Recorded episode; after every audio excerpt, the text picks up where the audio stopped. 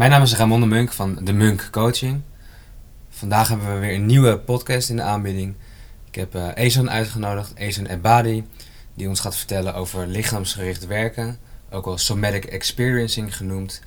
Um, hoe trauma's in het uh, lijf vast komen te zitten en hoe je dat kan uh, behandelen door middel van aanraking, dat soort dingen, of, met het lichaam therapie te gaan doen.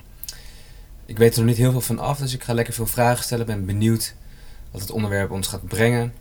Um, en op welke manier hij de begeleiding doet en wat zijn visie is op het werk en wat zijn eigen ervaringen daarmee uh, zijn. Dus we gaan het vooral over het lichaam hebben vandaag. Veel plezier met luisteren en tot de volgende keer weer.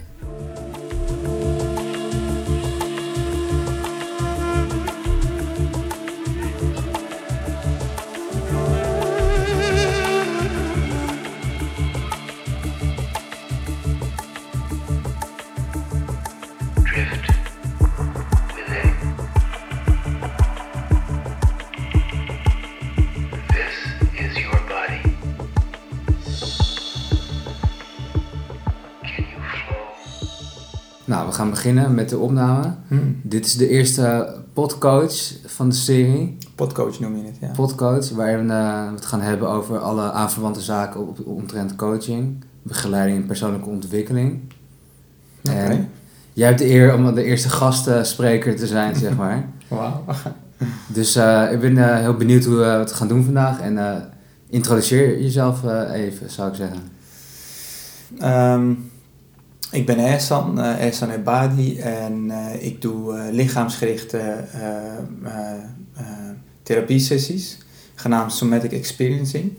Mooi. En ik doe ook, dat zijn individuele sessies, maar ik geef ook groepmeetings, zeg maar. Waarbij je eigenlijk hetzelfde doet, maar dan in een groepsvorm. Je zegt hetzelfde doet, want wat is Somatic Experience precies voor de mensen die het nog niet weten? Ja. Ja, somatic experiencing is een uh, uh, methode bedacht door uh, Peter Levine, of Levine. En um, hij is um, de opzetter zeg maar, van de somatic experiencing en heeft zelf heel veel studies en achtergrond in psych psychotherapie, lichaamsgerichte therapie en nou, heel veel verschillende dingen. En uiteindelijk is, is het hem opgevallen van, uh, van hé, hey, wat apart dat, um, dat dieren die zoveel meemaken, zeg maar, in hun dagelijkse leven, van dat er uh, heel veel stre stress op hen afkomt, omdat mm -hmm. ze constant moeten overleven. Yeah. Uh, um, dat zij zoveel beter, zeg maar, omgaan met zulke om, situaties, dat het niet blijft hangen. En bij mensen dat veel meer gebeurt. Dat de stress blijft hangen bedoel je? Blijft hangen in ja, het lijf. Ja hoe het kan dat bijvoorbeeld uh, veteranen en dergelijke zo, zo'n groot uh, percentage ervan last aan blijven houden en dat hun eigen leven verandert door de dingen die zij meemaken, bijvoorbeeld in een oorlog. Ja. Of mensen die een auto-ongeluk krijgen, die dan bijvoorbeeld na zes maanden opeens allemaal verschillende verschijnselen krijgen wat, wat te maken heeft met het ongeluk dat ze hebben meegemaakt. Dus Ja. dat vond hij heel interessant en hij is daarop had daar wat kennis over, maar uh, hij is daar uh, verder uh, in gaan verdiepen en dergelijke. Op een gegeven moment is Somatic Experiencing geboren. En um, ja, dat wordt nu steeds groter, ook in Nederland. En het is nu een wereldwijde um, ja, lichaamsgerichte therapievorm. het meest effectieve wat ik ken. En ehm, ja. En voor wie is het? Voor wat voor mensen, welke mensen hebben er vooral baat bij om dat te gaan doen? Ja. Ja, trauma is een, uh, is een term dat uh, vaak men relateert. Je merkt ook hoe ik het net vertelde. Vaak met eenmalige uh, heftige gebeurtenissen. Ah, ja. um, je zou het ook kunnen omschrijven als dat er bijvoorbeeld, ja, misschien een mooie omschrijving is van dat ons systeem, ons zenuwstelsel eigenlijk constant informatie verwerkt. En we hebben een capaciteit daarin. Dus je, je merkt bijvoorbeeld kleine kinderen, die, die uh, slapen heel veel. Ze hebben een bepaalde capaciteit. Hun zenuwstelsel is heel jong en uh, de dingen die ze meemaken maakt indruk op ze. En, uh, en ze hebben gewoon veel slaap nodig om dat allemaal te verwerken. Dus dat is allemaal informatie wat in ons lijf binnenkomt. En een heftige gebeurtenis is eigenlijk heel veel informatie, te snel, Mhm. waardoor eigenlijk een overspanning in je lijf komt. Je lijf kan het, je zenuwstelsel kan het niet verwerken en daarom blijft het energie hangen in je lijf. Oh ja, Dat voor, zou je- voor langere perioden ook. Ja, dus wanneer het blijft hangen, dan, ehm, eh, dus je, je lijf het niet kan verwerken, dan eh, wordt eigenlijk op slot gezet in je lijf om het alsnog zeg maar verder te kunnen met het leven, om, als het ware. En welke effecten heeft dat bij mensen? Dat het dan zo wordt vastgelegd of eh, te hoog in spanning zit? Ja. En misschien om het nog heel even af te maken, dus dat is, dat is eh, shocktrauma zeg maar. Dus eenmalige gebeurtenissen. Maar er zijn ook, eh, want je vroeg voor, voor wat voor mensen dat is. Mhm. En dat is dus eenmalig gebeurd. Voor dat soort mensen is het heel effectief om eigenlijk de, de vaste energie die tijdens een ongeluk of welke situatie dan is ontstaan, misschien eh, een verkrachting of een overval of wat dan ook is ontstaan, om die weer te ontlaten uit het lijf. Ah, Oké. Maar er is ook Ja. trauma dat je, eh, dat je kan oplopen door, eh, dat noemen we dan ontwikkelingstrauma, wordt het genoemd. Dat je dan eigenlijk gedurende je leven, bij, bij het opgroeien, het zij door dingen die er gebeurd zijn die niet hadden moeten gebeuren voor jou, zeg maar. Het zij die dingen die niet gebeurd zijn, die wel goed voor je waren. Heb je daar een voorbeeld van? Ja.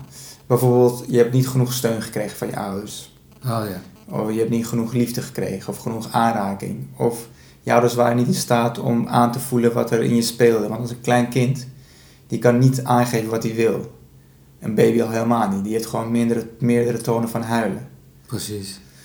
Dus echt dat heeft met wat hechting eh, ook te maken. Ook hechting is ook inderdaad... Een van de trauma's is ook hechtingtrauma, zeg maar. Ehm, veiligheid inderdaad is een connectie. Er zijn heel verschillende soorten trauma's die je kan oplopen in je ontwikkeling, zeg maar. In je opgroeien tot, tot je eigenlijk... eh, ehm, ja, eh, ehm, ja, volgroeit in je volle potentie als volwassen persoon. Ja, fascinerend. Ja.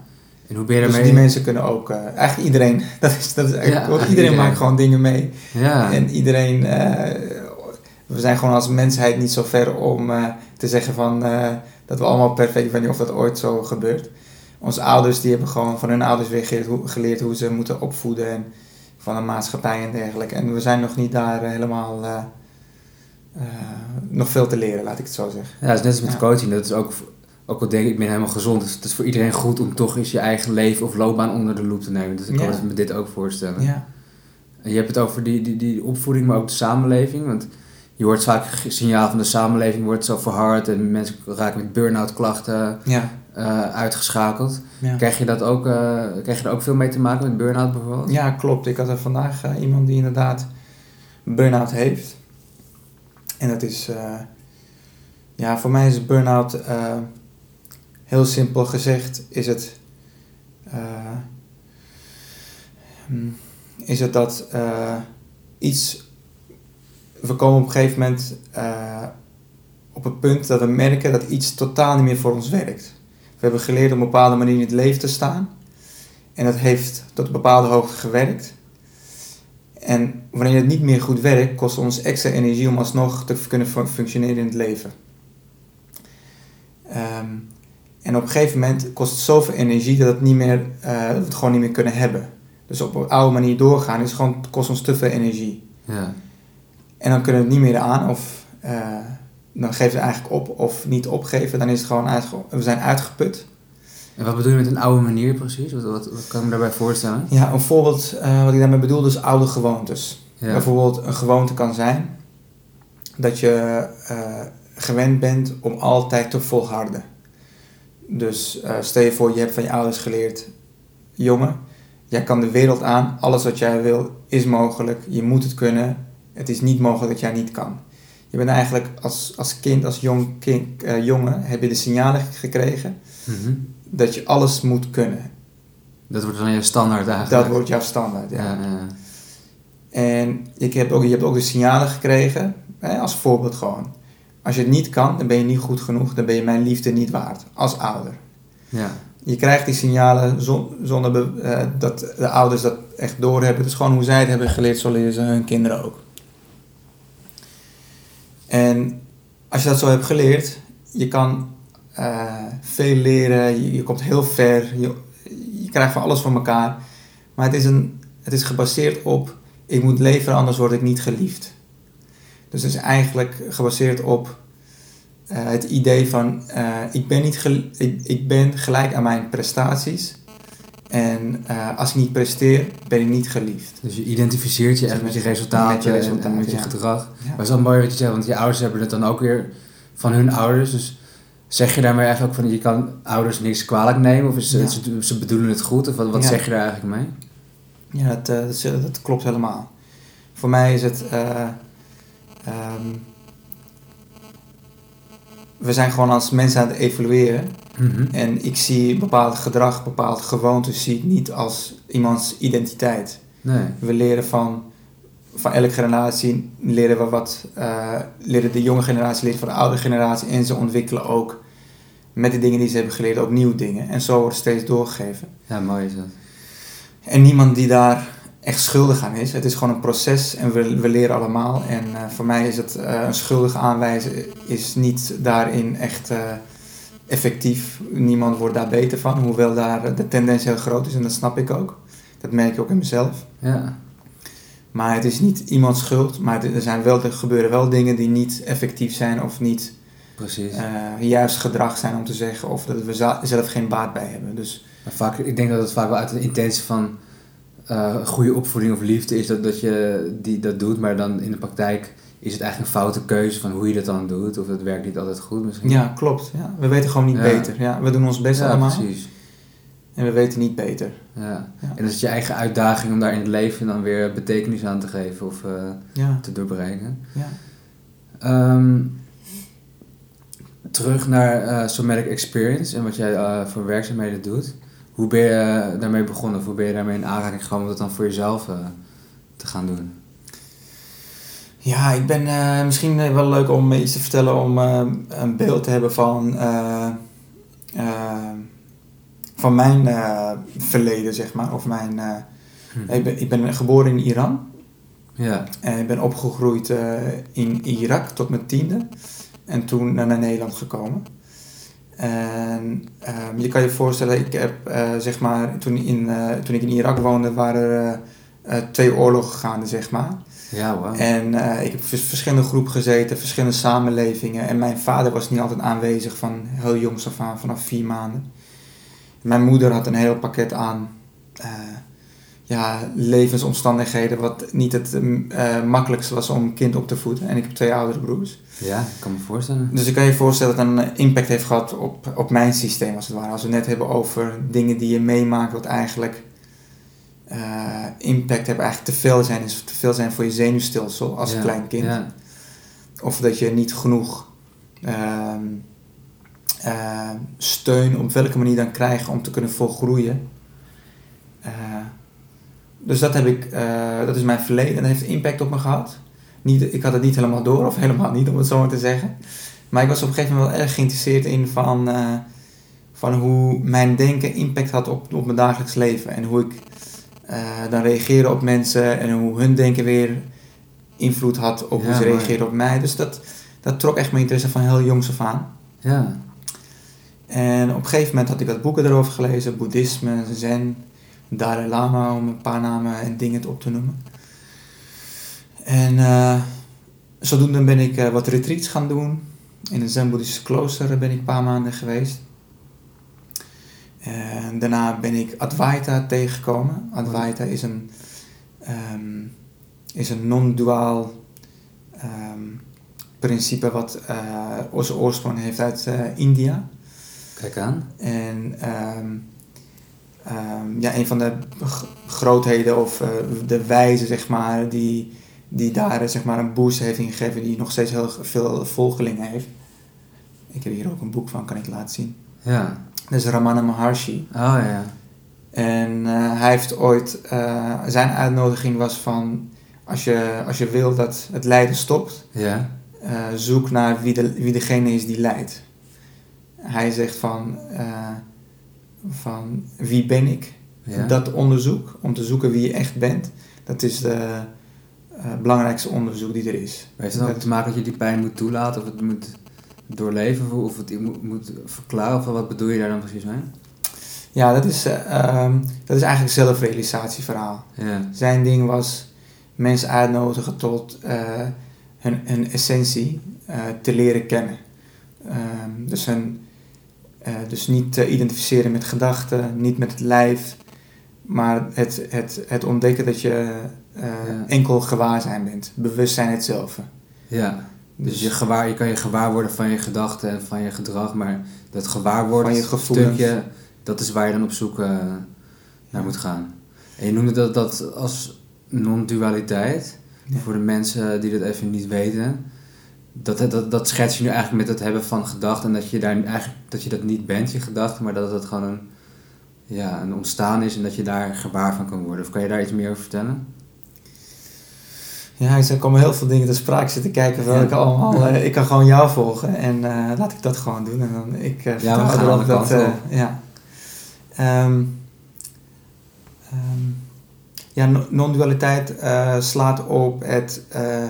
Eh duaal betekent dus hè, dat eh, het ontstaat uit ons hersenen eigenlijk. Op de manier hoe wij het, wereld eigenlijk eh, ehm, vastleggen, als het ware, door, eh, met ons brein Ja, we maken van, we zeggen dit en dat, eh, wit en zwart, jij en ik. je ratio is het eigenlijk. Ja, Het we, rationele we denken. hebben eigenlijk eh, contrast nodig om ons te kunnen bewegen in, eh, in een wereld, zeg maar, met ons, eh, om eigenlijk... ehm, Maar is het hetzelfde als je verstand? en Gewoon je, dat, dat, je ratio en je verstand of zo, wat je dan omschrijft? ja, dat is een, een van de belangrijke kenmerken van, eh, van ons verstand, ja, van, Ja. Ons, van ons denken. Precies. En dat, dat, dat creëert eigenlijk de wereld als, eh, als buiten ons, als eh, iets losstaand van ons. ja, Dus we voelen ons Ja. gescheiden van, van de rest van de wereld, omdat we duaal denken. en daarom heb je een ik-gevoel van, dan Ja. kan je ik tegen jezelf een- zeggen. Ja, je zegt Ja. ik en je zegt jij. En zo, Ja, ontstaat, zo ontstaat gescheidenheid als het ware. Ja. En zijn uitnodiging is als je daar diep in zakt, dus niet met het denken dat onderzoekt, Mhm. maar voorbij het denken, dan ontstaat er zelfrealisatie. Dan zul je jezelf niet meer gescheiden voelen van de rest. Ja, dat vind ik een super mooi thema. Vandaar dat ook op, doorvraag, omdat het wel Ja, iets mooi. is wat mij triggert. Ja, voor mij is ook heel waardevol geweest. Ja, Ja. Ja. ja. Oké. ja en zo ben ik, ehm want je vroeg van hoe, eh eh, hoe ben je bij Somatic Experience gekomen. Ja. Eh, zo ben ik, dus toen ben ik dat te- tegengekomen en ik merkte dat ehm, op een gegeven moment het lijf ook een groot aandeel had in het verhaal. Dus zelfrealisatie was heel belangrijk. Dat was groot, bracht groot vrijheid, eh, in ieder geval voor mij, eh, met zich mee. Ja. Maar ik merkte dat nog echt patronen, gewoontes in het lijf zaten. Die nog steeds niet smaakten zoals, eh, zoals, zoals ik fijn vond in het leven. En zo ben ik ook met ja, steeds meer geïnteresseerd geraakt in lichaamsgericht therapie. En dat heb, ben ik tegengekomen tijdens een van de retreats van Isaac Shapiro. Een van de mensen die, die echt supergoed is in eh, mensen uitnodigen om te kijken waar, wat... eh, ehm, ja, uitnodigen om eigenlijk Ja. zo mooi mogelijk in het leven te staan. En te kijken wat voor hun klopt daarin. Ja, mooie missie. Ja. Mensen uitnodigen om zo Ja. mooi mogelijk in het leven te staan. Ja. Ja. En zo ben ik dat ook tegengekomen op een van zijn retreats. Ja, tof. Oké, dus, dus op die manier ben je ermee in aangekomen. Dan ben ik ook wel benieuwd van... Stel, ik, ik kom bij jou eh, in de behandelkamer, zeg maar. Ja. Ehm, hoe ga je dan te werk? Wat, hoe ziet dat eruit, zo'n zo'n sessie of behandeling, of hoe je Ja. dat noemt? Ja, ehm, ja, het is echt iets dat eh, een beeld erbij cre- creëren helpt heel erg. Mhm. Eh, maar uiteindelijk het ervaren is wat anders. Net zoals als ik, eh, als ik jou zou vragen, van, kan je mij vertellen hoe chocola smaakt? Ja, ja, ja. Dat is lastig, hè? Ja, dat is heel moeilijk. Want je, Ja. je, je stelt het je voor, maar om het uit te drukken in woorden, ja, precies. En als, dus als ik jou chocola zou eh, willen laten kennen, Ja, dan is het makkelijkst om jou gewoon een stukje chocola te laten proeven. tuurlijk. Ja. Ja. Dus maar dat houdt ons niet tegen, laat ik het proberen. Heb je wat in de la liggen voor chocola? Geef maar een stukje. Even vergeten hoe het smaakt. Ja. Altijd zal- lekker. Voor na de uitzending. Voor na de uitzending, oké. ja. Puur chocola, lekkerste. Heel goed. Ehm, eh, ja, dus de sessie. eh, eh, wat belangrijk is, is erbij, hè, want ik werk heel erg met het lijf. eh, is om het lijf eigenlijk signaal te geven dat het, eh, het veilig is. Want wanneer het lijf echt merkt, dus niet alleen maar verteld wordt, maar via de ogen, de zintuigen, oppikt van het is veilig hier. Ja. Het is oké. Het is een veilige ruimte. Er zijn, er zijn geen roofdieren of gekkigheid in de buurt. En de persoon waar ik mee ben, dat is iemand die ik kan vertrouwen. Dat, dat, je, dat je dat kan voelen. En hoe schep je zo'n zo'n veilig gevoel in het begin van je sessie? dan? Ja. Ehm, dat is eigenlijk iets wat je niet, niet per se alleen tijdens sessie doet, maar het is, dat breng je gewoon met je hele wezen eigenlijk Ah, in. Je merkt dat je bijvoorbeeld soms iemand komt de ruimte binnen, dat vertrouw je niet. Ja. En iemand anders komt binnen en het voelt dan meteen zo vertrouwd. En ze hebben nog niks gedaan. Ja, een soort, soort, een soort aura, of een soort, soort energie wat iemand Energie, meebrengt, ja. of lichaamstaal of zo. Ja, ja ons, ons, eh, ons systeem is super sensitief, want we hebben geleerd om te overleven. Dat hebben we als, als mensheid kunnen doen om heel alert te zijn op gevaar. Dus we pikken veel meer op dan we eigenlijk weten. Bewust eh, registreren in ons, in ons brein. Mhm. Hoe meer je in je lijf zakt, hoe meer je bewust wordt van je, wat je eigenlijk allemaal echt registreert. En, eh, dus je registreert heel veel. Dus, heeft het ook met je oerbrein te maken die een Ja. soort alert is op ja, gevaar en, en, Ja. en dat soort zaken? Ja, mooi, mooi dat je het inbrengt. Dat is inderdaad het reptiele brein. Die inderdaad, eh, een van de hoofdfuncties daarvan is registreren van... Is er gevaar? En is het gevaar? Is, moet ik vechten? Moet ik vluchten? En als dat niet meer werkt, dus vechten, vluchten, kan niet meer, dan is het opgeven. En dat is collapse. Dus eigenlijk Ja. neervallen, freeze wordt het ook genoemd. Eigenlijk twee soort verschillende. nepdood, zoals dieren dan Nep- nepdood ja, hebben. klopt. zo. Ja, ja, ja. Dat is de laatste... Nou ja, goed, laat ik het daarbij houden. ja. Dus dat zijn de dingen, de mogelijkheden die de reptiele brein heeft. En wanneer het zich veilig voelt, dan kan het rusten. ja. Ja. En wij zijn meer geëvolueerd dan de reptielen. Dus we hebben ook de zoogdierenbrein en de neocortex. En wanneer de reptiele brein eh, op alarm afstaat, zeg maar, of dat kan rusten, ja. dan kan de zoogdierenbrein, die zeg maar het sociale brein, die kan dan ook in contact komen. Ja, die krijgt dan meer speelruimte. Die krijgen meer speelruimte, meer contact.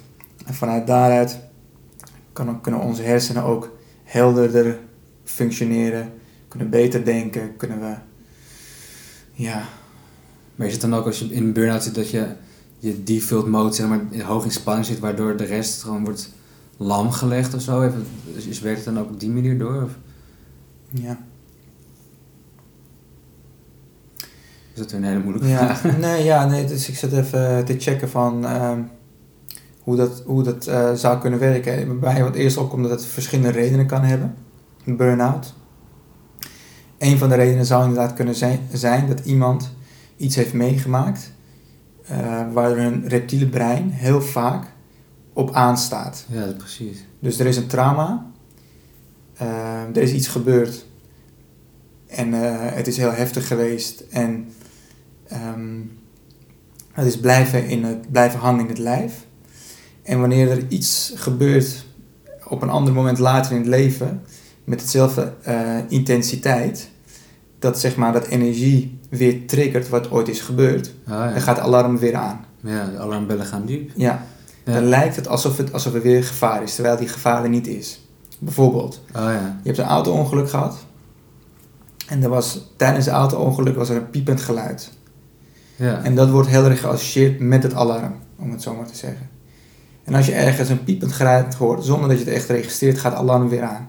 Je ja. hebt het niet door, het alarm gaat aan. Je, en je bent aan het zoeken naar waar is het gevaar. Je bent echt zo geprogrammeerd door die gebeurtenissen. Zo. Ja, Ja. je zit vast in die gebeurtenis eigenlijk. Je reageert op een huidige situatie als zijnde het moment van een ongeluk. Je bent blijven hangen in het, in het stuk, in Ah, ja. moment. Dat noem je trauma. En is dat iets wat je met somatic experience kan verzachten? Of Ja. eh, hoe noem je dat? Of, of, of mee aan de slag kan? Of hoe, hoe Ja. gaat dat dan? ja, klopt. In dit geval als iemand voor burn-out, burn-out heeft, om terug te komen naar je vorige vraag, hè, iemand burn-out heeft ehm, en de basis ligt daar, dan zou je inderdaad daarmee kunnen werken en dat verzachten. Oh, ja. Dat eh, niet verzachten, maar eigenlijk het vastende energie die, eh, die daar zit, Ja. daar weer in contact mee komen. Op een manier zeg maar, dat er genoeg capaciteit is om nu het wel aan te kunnen, wat het lijf toen niet aankon, Ah, zodat het weer kan stromen. dat lijkt me best spannend voor die mensen. Ja, inderdaad. Het is goed dat je het zegt. Dat, is een, eh, dat zie je goed. Dus je wil ook genoeg capaciteit opbouwen en vertrouwen opbouwen, zodat het, eh, eh, zodat het wel mogelijk is. Ja, En het is niet Ja, voor niks dat die... bijzonder. Ja, ja. mooi. En wat voor resultaten kan, kunnen mensen dan verwachten? Of, of, of hoe, eh, hoe, ja, wat, wat oogst je daarmee, zeg maar? ja, net als met de burn-out. het kan je leven veranderen. Of het, het, het, het, is, het heeft mijn leven veranderd. En ik ken heel veel mensen die Ja. het doen. Ik, Ja. het, is, het, le- het verandert echt levens. Bijzonder. Ik, Ja. Er komt iets bij me op dat eh, eh, ik- een, een eh, medes- medestudent eh, bij ons eh, op de zeg maar, opleiding, die had apneu. zo'n slaapaandoening. Ja, dat je niet... eh, je wordt constant wakker omdat je niet genoeg adem... k- je, je ademsysteem werkt niet meer lekker tijdens Ja. slaap. Ja, precies. Dus je wordt steeds wakkerder om te happen naar adem als het ware. Mhm. En hij heeft ehm, eh, een essay-sessies gedaan met iemand eh, die is eh, zeer gevorderd in, in het verhaal. Ja. En sinds toen, hij heeft jarenlang apneu gehad en sinds toen is het nu al Oh. inmiddels weken is het, is het voorbij. Wat een goed voorbeeld. Ja. Mooi, Ja, bijzonder. ja. Echt, eh, is, is echt super magisch. Het is Ja. echt, eh, En eh, naast Somatic Experience eh, heb je ook nog andere methodes of ervaringen? Of je hebt ook dingen met massage natuurlijk. ja, klopt. Ja. Ehm, wat doe je daar precies mee? Of is dat gewoon losstaand? Of heeft het met, met elkaar te maken misschien? Ja, ja massagetherapie ehm, doe ik. En dat heeft zeker raakvlakken.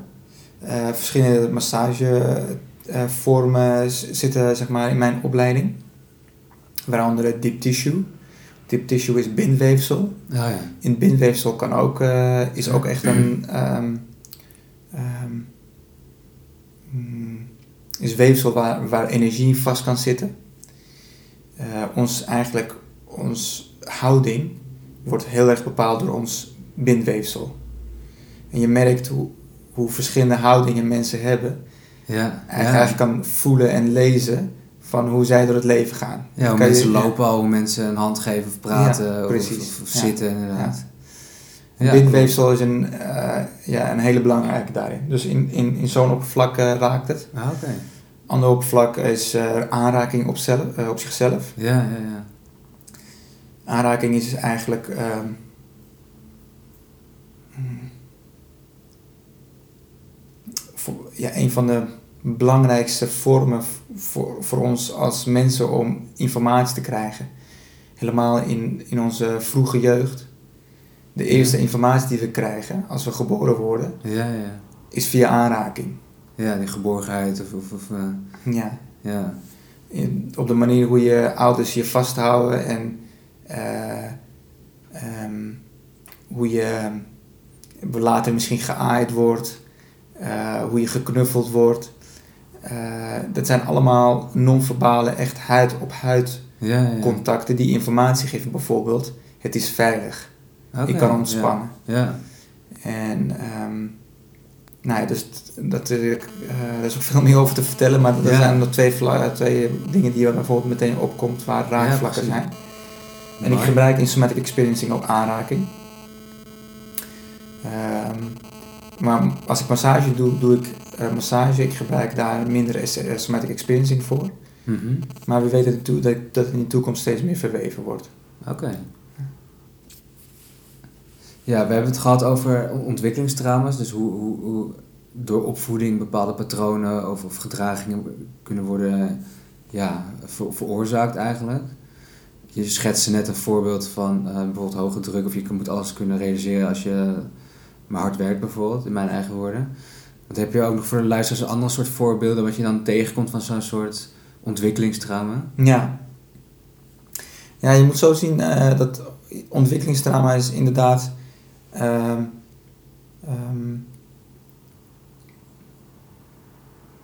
ja, we hebben, we hebben als, als, eh, als mensen hebben we eh, eten nodig, onderdak nodig om zeg maar te kunnen groeien. Ja, Dat is heel zichtbaar en tastbaar. We hebben ook aanraking nodig om te kunnen groeien. Onze cellen hebben echt aanraking nodig. Als kinderen geen, eh, geen liefde ontvangen, geen aanraking krijgen, sterven ze. Dat is Ja, dat is echt ja. wat, dat is gewoon echt voeding. Zo kan, je kan het echt letterlijk als voeding Een zien. soort primaire behoefte van de piramide van Pavlov, eh bij van Ja, zeker. Ja. En dus er zijn meer onzichtbare dingen die wij nodig hebben om te kunnen groeien op een manier dat we lekker in het leven kunnen eh, staan. Ja, om jezelf goed te kunnen manifesteren en eh ja. zelfactualisatie, zeg maar. ja. Ja. Dat zijn thema's zoals bijvoorbeeld veiligheid. Misschien heb je bijvoorbeeld in je ontwikkeling, is het, was niet altijd veilig geweest rondom je ouders, je zorgdragers. Mhm. Of je bent in een oorlog opgegroeid. Thema's zoals bijvoorbeeld contact. Contact met je ouders is eh, bijvoorbeeld oh, je zorgdragers. Dat was niet op een manier dat eh, fijn was. Ze waren niet op jou, goed op jou afgestemd. Mhm. Ze gingen bijvoorbeeld over je grenzen. Ja, ja. Of eh, je hebt nooit geleerd om, eh, dat er grenzen zijn bij andere mensen. Ze waren niet in staat om grenzen aan te geven. Ehm, je hebt bijvoorbeeld misschien van je ouders niet geleerd om op je eigen benen te staan. Het zij door je bent eh, te veel gepusht. Je, je moest te vroeg op je benen staan. of te veel gepamperd juist misschien. Of te veel gepamperd. Ja, dus je, ja. bent, eh, je hebt niet geleerd om je eigen benen te staan. Ja. Je merkt bijvoorbeeld in verschillende culturen, sommige culturen die, die pikken kinderen heel snel op. Ja, Andere precies. culturen die Ah, laten een kind helemaal alleen. Ja. Die, die kinderen moeten maar zichzelf opvoeden.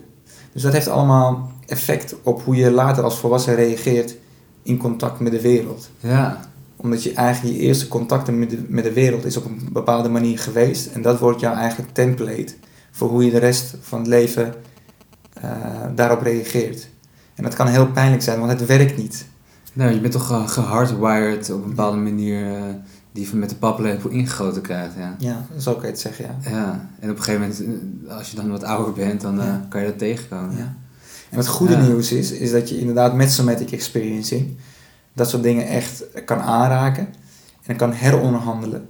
En de dingen die je niet hebt gekregen, de informatie die je nodig hebt om te volgroeien, Mhm. die kan je alsnog krijgen. Ah ja. Maar doe je, doe je ook in een intake bijvoorbeeld dat je gewoon een gesprekje hebt om even tot de kern te komen? Of hoe, hoe werkt dat precies? Om, Ja. om de problematiek helder in beeld te krijgen bij zo iemand? Ja.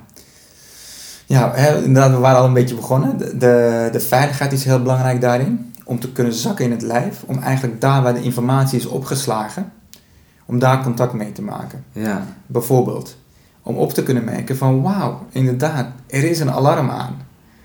Dat kan even tijd kosten om dat echt op te merken, want hè, we hebben jaren zijn we met alarm aangegaan door het leven en het kost even tijd om daar Ja, ja, ja. gevoel en dat in aandacht te brengen van, van iemand. Dus bewustwording daarvan is belangrijk. Ja. Of bijvoorbeeld het merken dat van hé, hey, mijn lijf die is niet echt eh, in staat om grenzen aan te geven. Het maakt niet uit of je heel dicht op, me, op, op, op mij zit of heel ver. Voor mij maakt het geen verschil. Mhm. Of dat je juist merkt van, oh, ik, ik merk al op de manier hoe je, hoe je naar me kijkt, word ik al helemaal eh, gek. Ja, dus dat heeft een enorm effect op jou. Dus mensen Ja. kunnen daarmee heel erg op je knoppen drukken Ja, door de, de aan- aanwezigheid. ja, Ja.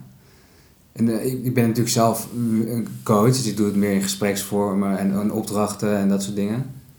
Ehm, hoe zouden reguliere coaches, wat zouden die daarmee kunnen met dat, met dat lichaamsgericht werken? Ik denk dat het eh, belangrijk is om het zelf te ervaren. Voordat je, of tenminste voordat je, ik bedoel, iedereen heeft een bepaald niv- niveau, ken je het al en je gebruikt het waarschijnlijk ook al. In ons gesprek ben je op bepaalde manier om, ben je ook geïnteresseerd om bijvoorbeeld gesprekken op een manier, zeg maar, in te richten, zodat het fijn is voor mij om te praten. Dus je bent al op een bepaald niveau ben je ermee bezig, zou je kunnen zeggen. Oké, ja. En tegelijkertijd, het krijgt diepgang als, je, als, je, als in jouw lijf dat ook diepgang krijgt. Dus als je meer in staat bent om te merken wat de, wat de signalen van je eigen lijf zijn. En trauma's die je zelf hebt ontmoet, ontwikkelingstrauma en shocktrauma.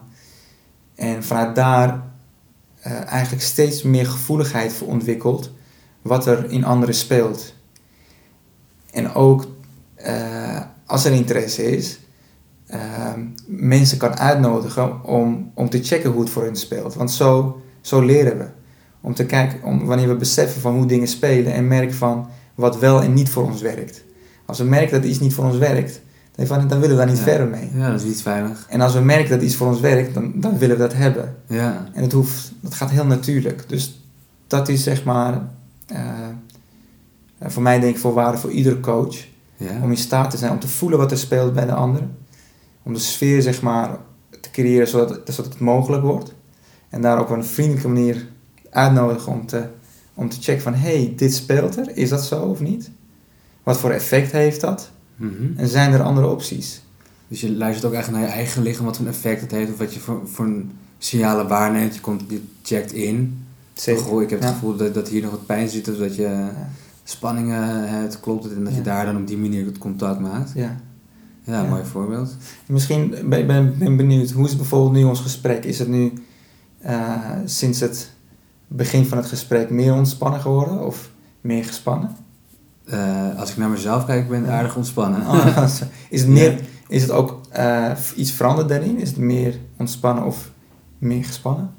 Ik denk dat we meer in een, in een laag van diepere ontspanning zijn, Ja. denk ik. Of meer in tune zijn Ja. met ehm, hoe het samen het gesprek vormgeeft. Dus Ja. dat merk ik wel.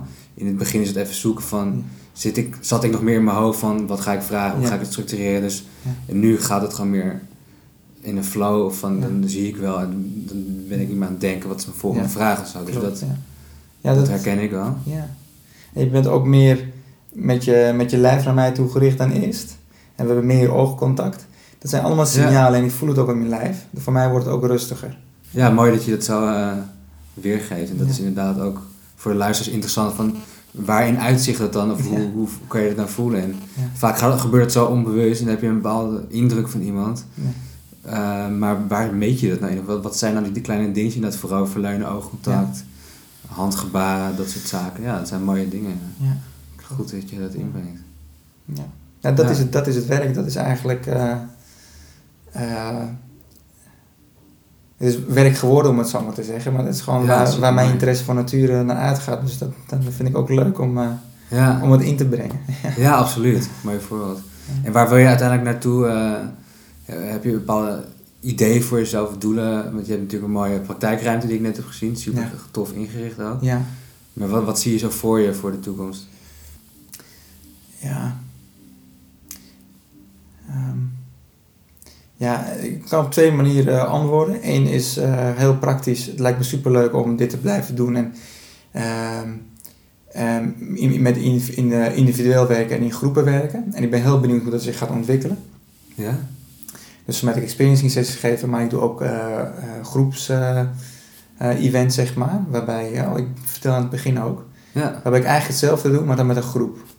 Dus we voelen samen van wat er speelt in het moment. En, en we kijken ook bijvoorbeeld wat bij een bepaald persoon speelt. We delen erover en we zijn ermee. En dat, dat heeft een, ehm, een, ehm, eh, ook zijn waarde, zeg maar. Om als groep daarmee te zijn in plaats van individu alleen.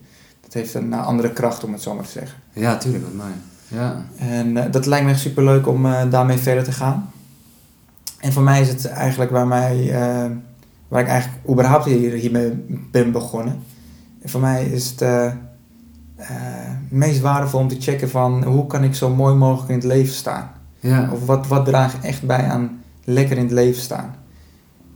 Mooie waarde. Ja, wat Ja. wel en wat niet. En alles, als ik merk dat, hé, hey, dat, dat voelt niet helemaal zo, zo, helemaal naar mijn hart, zeg maar. Ja. Dan ga ik kijken van hoe werkt dat dan? Wat is daar aan de hand? En, Ah, dan wat speelt er? Ja. maar. ja.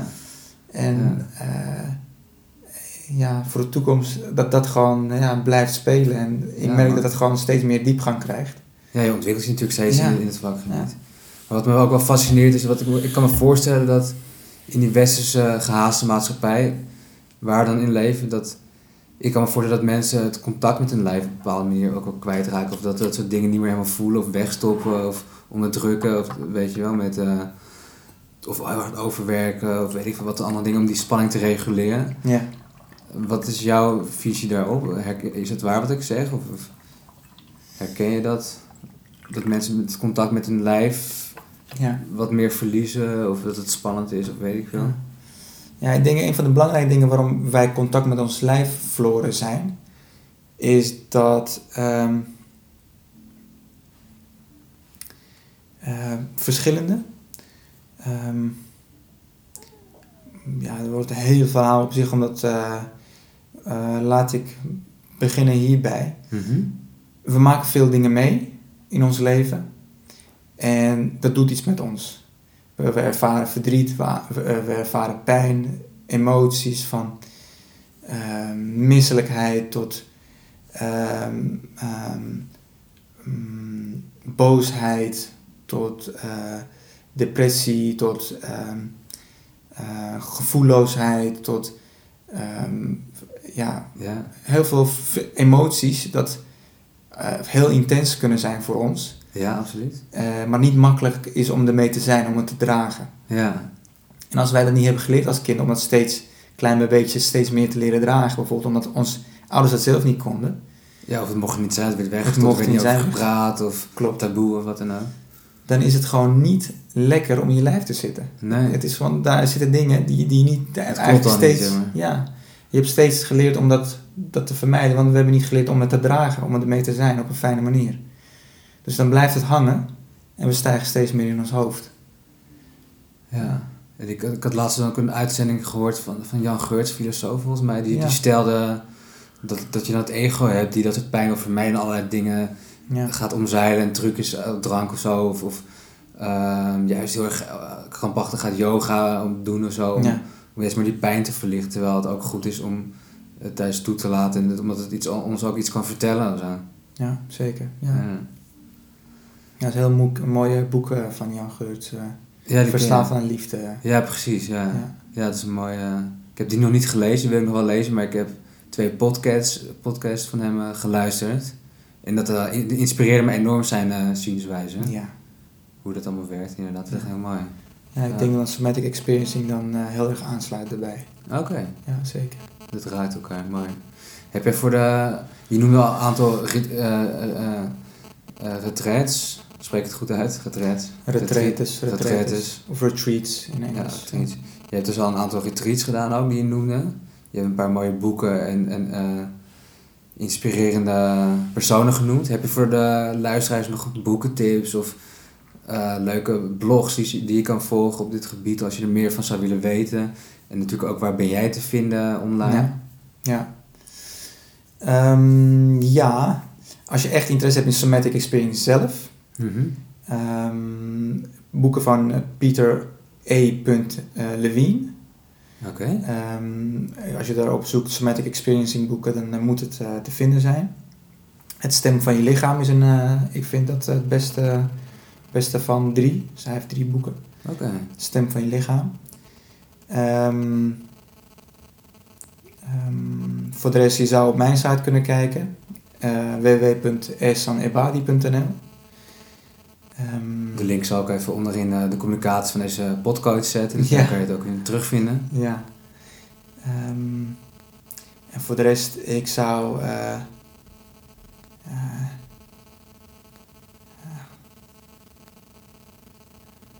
vooral de interesse in.